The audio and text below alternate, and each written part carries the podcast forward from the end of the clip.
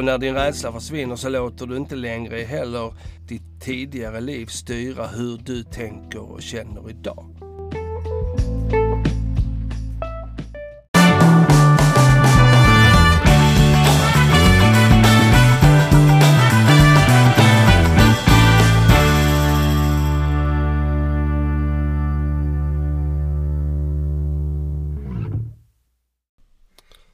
Året är 1986. Jag är eh, snart tio år gammal.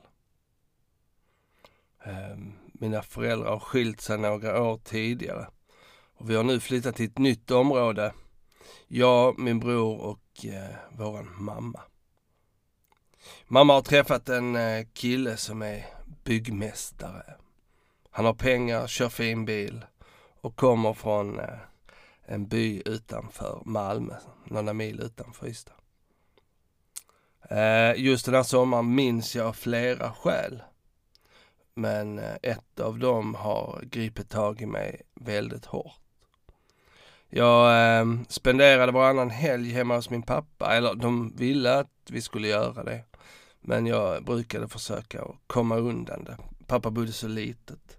Och pappa var så principfast och eh, hade så mycket regler så att jag kände mig kvävd. Det passade inte mig och jag var inte lik min pappa alls. Till sättet, jag var mer lik min mamma. Denna lördag morgon hade jag nog vaknat ganska tidigt om jag minns rätt. Ehm, slängde på mig kläder, slängde in mig en macka och ett glas O'boy.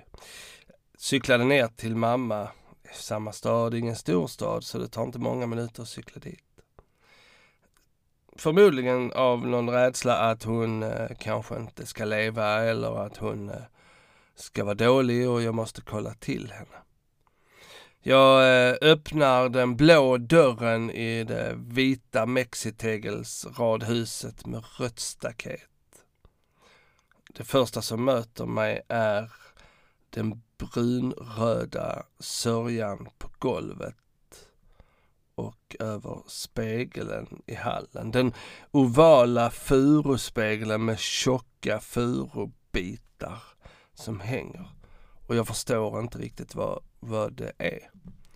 Samtidigt som jag eh, öppnar dörren så kommer min mamma ut ifrån sovrummet. Och det som möter mig är en upplevelse jag inte önskar någon. Hon eh, är alldeles sönderslagen. Hennes eh, tänder är utslagna. Näsan är bred så att den täcker okbenen på båda sidorna. Ena ögat är igenmurat och hon försöker skyla sig så att jag inte ska se. Men jag förstår vad som har hänt. Jag förstår det ända in i själen. Bak efter henne kommer hennes kille, Robert. Denna snälla, timida man som eh, har eh, under en tid funnits i våra liv. Jag eh, reagerar instinktivt och hämtar en stor kniv i kökslådan. Jag närmar mig honom och säger till honom att packa sina saker. Jag skriker, jag gråter och är helt i upplösningstillstånd. När han eh, säger till mig att jag ska passa mig så meddelar jag honom att ingen kommer någonsin att fälla mig om jag sticker kniven i honom. Om han rör min mamma en gång till eller inte lämnar huset så kommer det att sluta illa. Han lämnar huset den dagen. Vi ser aldrig honom igen. Eh, vi får senare reda på att allt han har sagt har varit en lögn. Han var inte byggmästare. Han lurade folk på pengar. Han körde senare ihjäl sig, vilket eh, osökt får mig att tänka på karma. Eh, ja.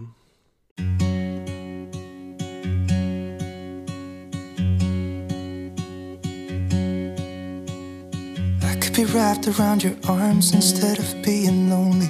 We could be gazing at the stars, but now it feels just like I wandered off into a room and closed the door behind me.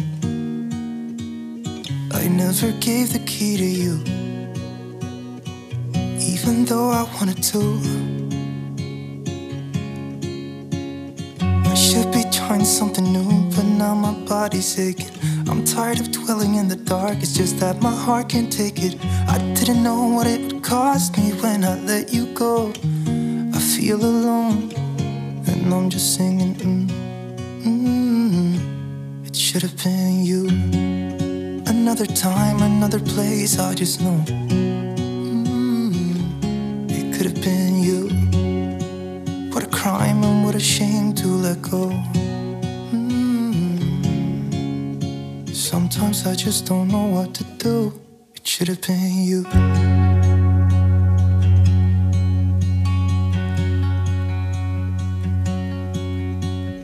I could be driving to your place, but now the ground is shaking. Could be a phase, but it feels like it will never go away until we make up.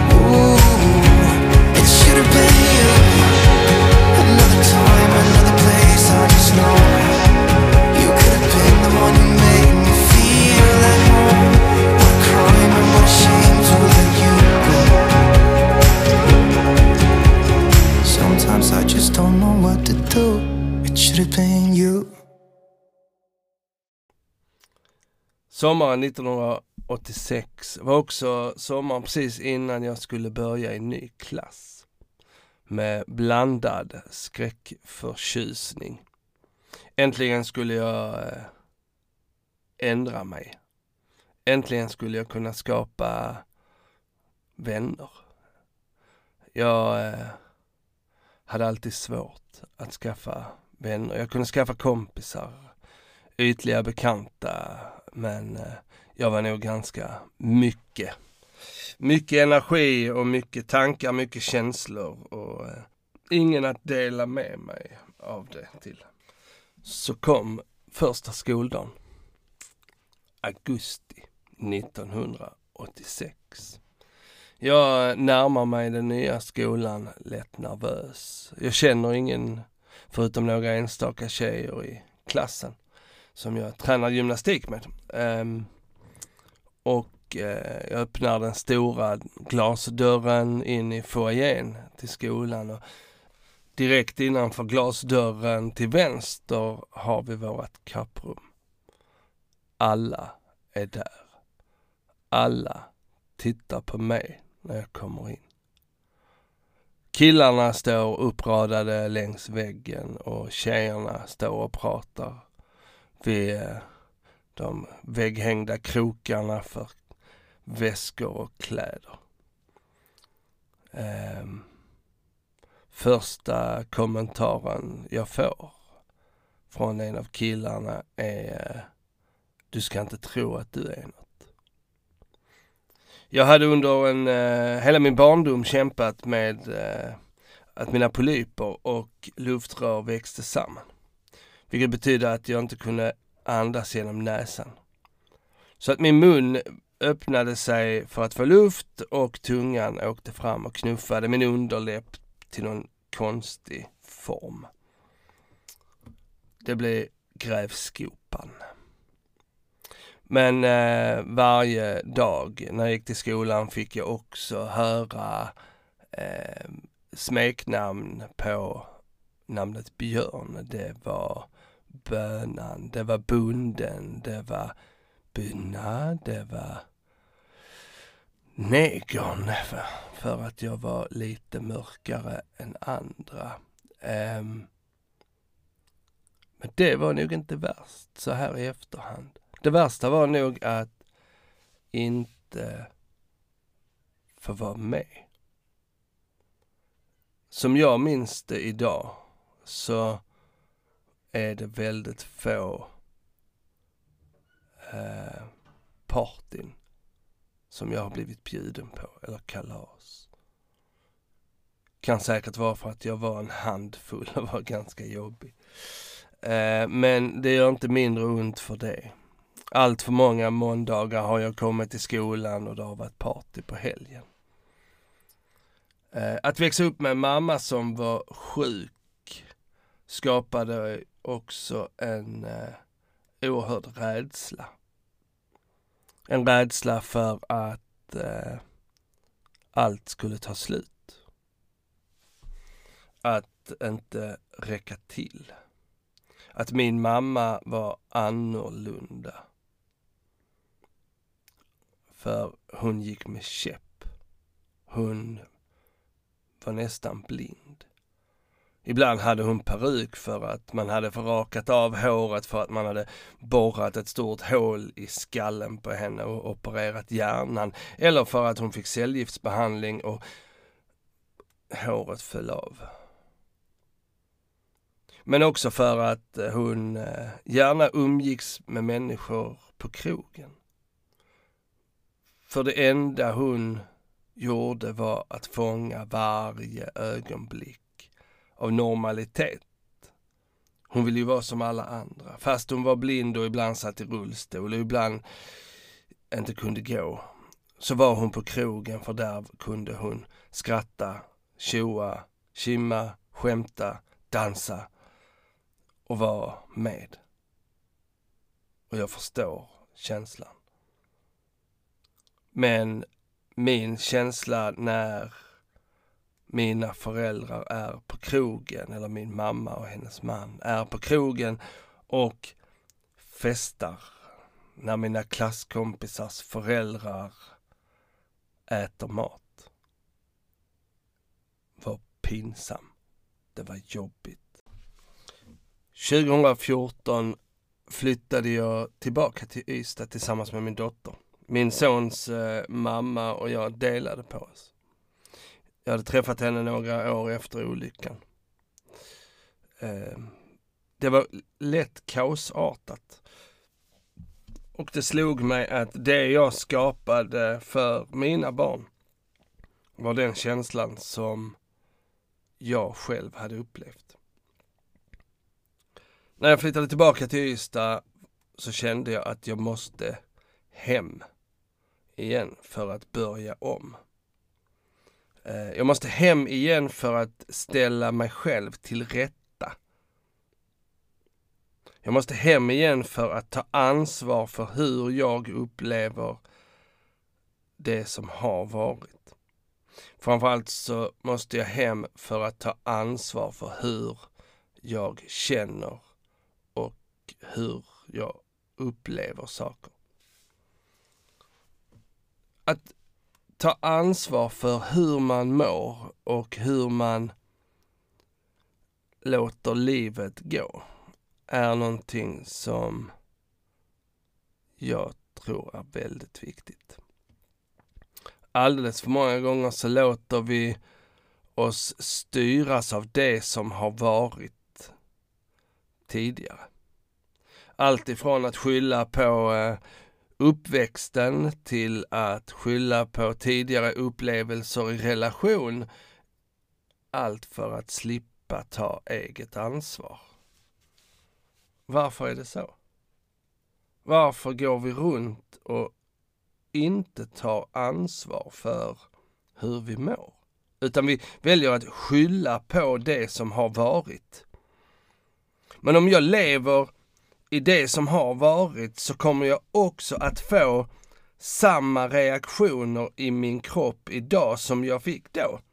För att det enda jag har gjort under min uppväxt när det var jobbigt eller i mina relationer som var jobbiga har varit att träna mitt nervsystem på att reagera så här. Jag har tränat min hjärna på att skydda mig på det här viset. Och det enda jag kan göra är att erkänna det. Och sätta upp en ny målbild för hur jag vill att mitt liv ska vara hur jag vill att mitt liv ska bli där framme. Jag började med att göra ett collage för hur jag ville ha mitt liv. Jag skrev ner, jag funderade och jag tänkte på det. Jag gjorde allt det där som det stod i självhjälpsböckerna jag läste och jag läste alla möjliga självhjälpsböcker, vilket stora delar av befolkningen gör. Men det var inte förrän för ganska ett tag sedan som jag förstod att om jag inte använder verktygen som jag lär mig i böckerna så kommer jag inte att förändra mitt tillvägagångssätt och mitt liv heller. Det är ganska enkelt att säga sluta skylla på det som har varit eller ta ansvar. Eh, och säga nej men jag tar ansvar. Och inte riktigt förstå vad det innebär att ta ansvar för hur man mår. För vem tar annars ansvar för hur du mår? Det sägs att en procent av jordens befolkning tänker. 4 procent av jordens befolkning vill tänka. Och eh, 95 procent av jordens befolkning riskerar att dö om de tänker. Att tänka i detta fallet betyder att reflektera över sitt eget beteende och sitt eget mående och förändra det. Om du kommer på dig själv nu att du har någonting som du vill förändra. Pausa podden. Pausa nu och skriv ner det. Gör en anteckning på vad det är du vill förändra. Och skriv ner dina tankar på hur du skulle kunna komma dit. Det kan ju vara allt ifrån eh, att söka ett nytt jobb, till att förändra din relation, att få en bättre relation, att eh, sluta ge av dig själv utan att fylla på energi. Att sluta eh, ställa upp hela tiden på alla människor för att du känner att du aldrig får någonting tillbaka. För då måste man ju också fråga sig varför hjälper jag alla andra? Är det för att du vill ha bekräftelse? Då är det kanske din självkänsla vi ska jobba med.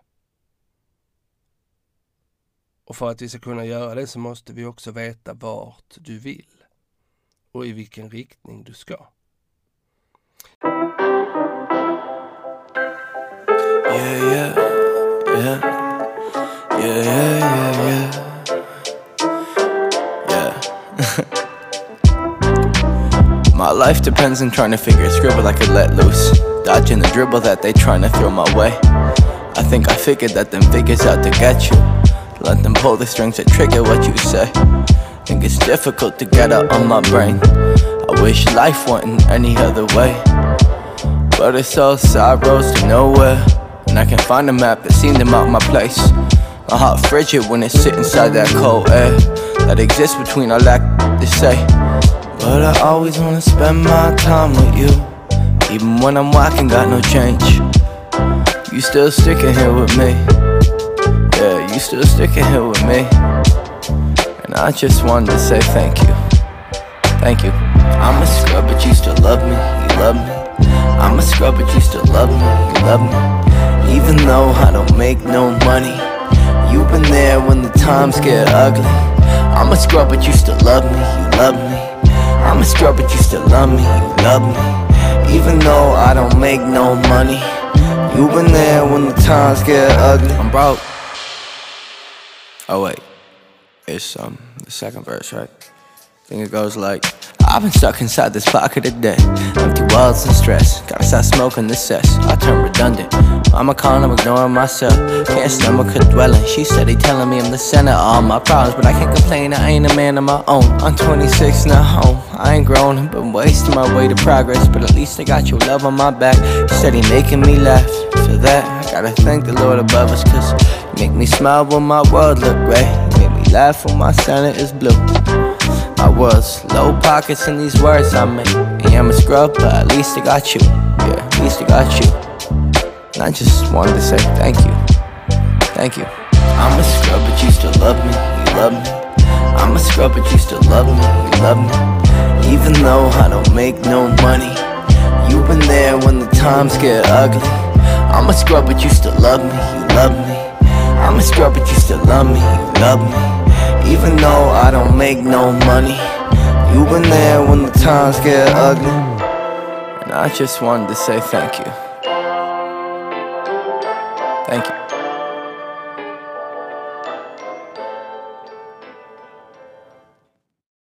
Det kanske är så att du går och funderar på att söka till en utbildning men du vågar inte riktigt göra det för att andra säger ju att det där skulle inte passa dig.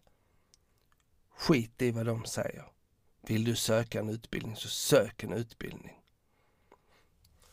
Jag har i hela mitt liv varit väldigt, väldigt spontan. När jag har fått en eh, tanke så har jag agerat på den och inte reflekterat så mycket över vad som kan hända. Jag har istället sett eh, större delen av livet som en lärdom. För även om jag inte skulle komma ända fram till dit jag ville så har jag lärt mig massor på vägen. Jag drev under ett tag en eh, barbershop. Och det är många som har frågat, gick det inte så bra med barbershopen? Eh, och då brukar jag säga, jo, det gick jättebra. Men min idé med barbershopen var att testa om det gick att driva en barbershop i Ystad och det gick. Och när jag var färdig med det så var jag tvungen att gå vidare. För det var inte the end game. The end game för mig mitt mål är att stå på en teater, på ett kongresscenter där du är med i publiken och lyssnar och tar till dig och växer som människa. Mitt mål är att coacha dig, coacha din chef, coacha din arbetsledare till att ta ansvar, till att sluta vara så jävla rädd för förändring. Att sluta vara rädd. För det är rädslan som stoppar dig. Och rädslan kan aldrig göra dig illa. Men den kan göra det jävligt långsamt. Och enda sättet att komma över det är att möta sin rädsla och gå förbi den. Gå förbi det där gnagandet i magen och, och bubblorna under huden som, som håller på att spricka av rädslan när du ska göra det där som du kanske kan misslyckas av. Jag kanske inte kommer in på den där utbildningen. Nej, men är det hela världen? Det vet du ju inte om du inte söker. Du kanske går runt och tänker att ja, men jag vill ju bli polis. Men eh, min mamma har alltid sagt att jag passar i vården, så det är där jag är. Eller eh, mina kompisar eh, skulle säkert skratta åt mig om jag söker den här utbildningen eller säger att ja, men jag vill eh, bli konstnär. Ja, hur ska du kunna få pengar till det? Hur ska du få mat på bordet? Enda sättet att få mat på bordet som konstnär är att vara konstnär. Så snälla, sluta vara rädd. Gå emot rädslan, för den kan inte skada dig. Den kan bara göra så att du växer. Så har du inte pausat och skrivit ner dina drömmar innan så är det kanske hög tid att göra en karta på dina drömmar. Sätt upp den på väggen, titta på den. Tänk dig att du är där. Är det polis du vill så ser du dig själv som polis. Är det konstnär så ser du dig själv som konstnär i din fantasi. Du kanske vågar ta steget och öppet säga jag vill bli konstnär. Jag vill bli VD. Jag vill bli eh, ekonom. Fast jag är undersköterska på ett äldreboende idag. För ingen kan ta din dröm ifrån dig. Bara du själv kan kväva den. Att eh, gå förbi sina rädslor är oerhört givande. Men det tar kraft. Att eh, bli av med en rädsla tar några gånger. Man behöver göra det dubbelt så mycket eller man behöver eh, göra det dubbelt så länge. Men du kommer dit. Din rädsla försvinner. Och när din rädsla försvinner så låter du inte längre heller ditt tidigare liv styra hur du tänker och känner idag. För helt plötsligt så är du en ny människa. Med nya tankar.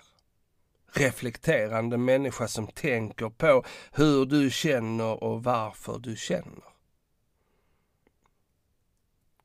Och detta kanske triggar dig till att bli upprörd. Bra. Skriv ner varför du blir upprörd då.